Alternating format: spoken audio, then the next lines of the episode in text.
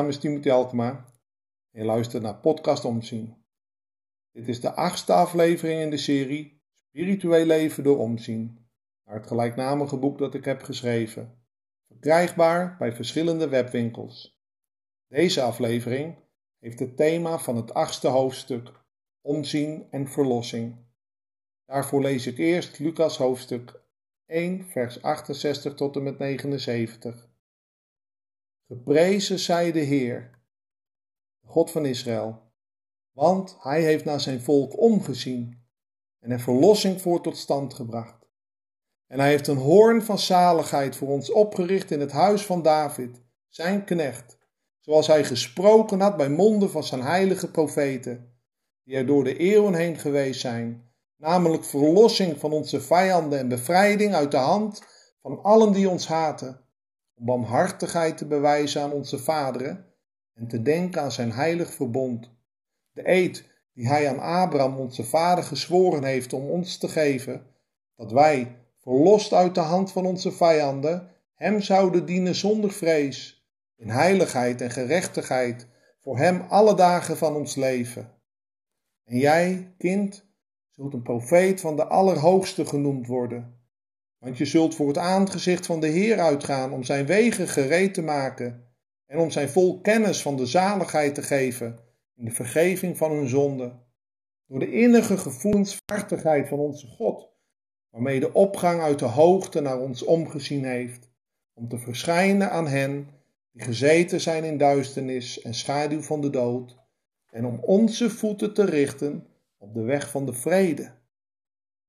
Zacharias begint zijn lofzang nadat zijn zoon is geboren, die bekend is geworden als Johannes de Doper.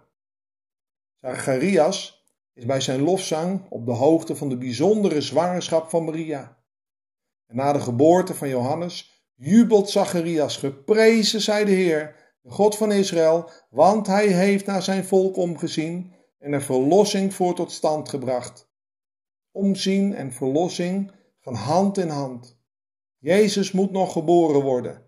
Maar Zacharias zingt al dat God zijn volk heeft verlost. Dat is omdenken vanuit geloof. Daarom verheugt Zacharias zich en zingt zijn loflied. Dit is een voorbeeld van dat grote dingen klein beginnen en dat je over kleine dingen al kunt zingen. Dan kijk jij dingen anders door geloof, hoop en liefde. Zacharias eindigt zijn lofzang met de woorden: Dankzij de liefdevolle barmhartigheid van onze God zal het stralende licht uit de hemel over ons opgaan en verschijnen aan allen die leven in duisternis en verkeren in de schaduw van de dood, en om onze voeten te richten op de weg van de vrede. Wat een geweldige woorden staan hier. In aflevering 10 gaat het over omzien en barmhartigheid. Er staat hier niet alleen barmhartigheid, maar het gaat over de liefdevolle barmhartigheid van onze God. Van daaruit zal het stralende licht uit de hemel over ons opgaan en verschijnen aan allen die leven in duisternis en verkeren in de schaduw van de dood. Tijdens de coronapandemie heb je mogelijk iets ervaren van het leven in duisternis. Gelukkig doet een klein beetje licht wonderen en spreekt de tekst over: zal het stralende licht uit de hemel over ons opgaan. Zie jij in jouw leven of bij anderen dat licht uit de hemel duisternis verdrijft? Als geestelijk verzorger hou ik me bezig met verhoudingskunde. Er is zoveel ellende in de wereld en in levens van mensen. Dingen die mensen zelfs kunnen overweldigen. Daarbij ga ik dan met mensen op zoek naar dingen die hun kracht geven. Zeg maar geweldige dingen die je naast of in overweldigende situaties kunt plaatsen als licht in de duisternis. Kun jij je voorstellen dat geloof, hoop en of liefde sterker zijn dan de dood? Kijk tenslotte eens naar het doel van deze versen.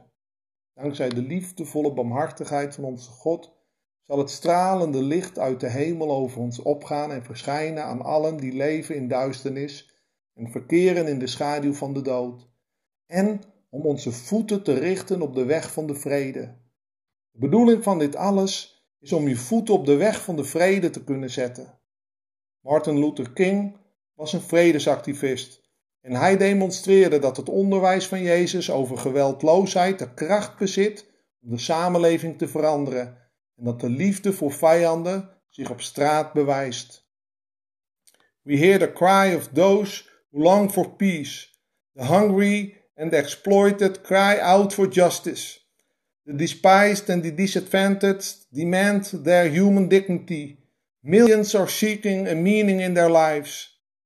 Trusting in God's renewing power, we call upon you to participate in the anticipation of God's kingdom, to allow now something of the new creation to be already visible, which Christ will complete on his day. King geloofde niet dat alles hier op aarde al goed zou komen voor de wederkomst van Jezus. Maar hij geloofde dat je vanuit de terugkomende Jezus je voeten kunt zetten op de weg van de vrede. Mahatma Gandhi was net als King geïnspireerd door Jezus voor verandering door geweldloosheid. Maar hij vond dat christenen in hun handel en wandel vaak niet op Jezus lijken. Gandhi heeft zich ingezet voor verzoening tussen Hindoes en moslims in India. Hoe spelen geloof, hoop en of liefde een rol bij jou om je voeten op de weg van de vrede te zetten?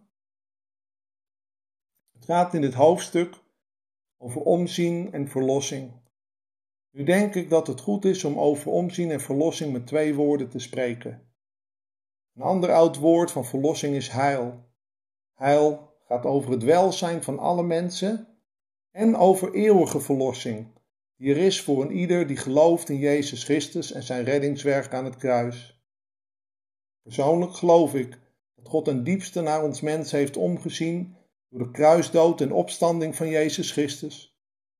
In de Bijbel worden geloof, hoop en liefde gezien als het noodzakelijke, adequate en omvattende antwoord van de mens op Gods heilshandelen in de kruisdood en opwekking van Jezus Christus. Waarop of op wie stel jij ten diepste je vertrouwen? Mijn motto is omzien naar mensen, tot eer van God en tot heil van mensen. Ik zet mij in voor het welzijn van alle mensen. En ik gun iedereen de rijkdom die er in Jezus Christus is. Het christelijk geloof gaat helemaal over de overtuiging dat de levende God het vinden, het redden, het geven van nieuw leven heeft tot stand gebracht in Jezus. Hij heeft het gedaan. Met Jezus is Gods reddingsoperatie definitief in beweging gezet. Grote deur is in de kosmos opengezwaaid, die nooit meer kan worden gesloten. Het is de deur van de gevangenis waarin we waren opgesloten. We krijgen vrijheid aangeboden. Vrijheid om Gods redding zelf te ervaren. Om door de open deur te gaan en de nieuwe wereld te verkennen waar we nu toegang toe hebben. In het bijzonder worden we allemaal uitgenodigd om door het volgen van Jezus te ontdekken dat deze nieuwe wereld een plaats is van gerechtigheid, spiritualiteit, relaties en schoonheid. En dat we geacht worden haar niet alleen als zodanig te genieten, maar eraan te werken dat ze op de aarde geboren wordt, zoals in de hemel. Voor mij gaat het om spiritueel leven tot eer van God en tot heil van mensen. Wat is jouw motto? En heeft dat met het welzijn van jou en anderen te maken? Als je wilt reageren op afleveringen van deze podcast, dan kun je mailen naar praktijkomzien@gmail.com. Binnenkort kun je luisteren naar de aflevering Omzien en Bewogenheid. Tot horens!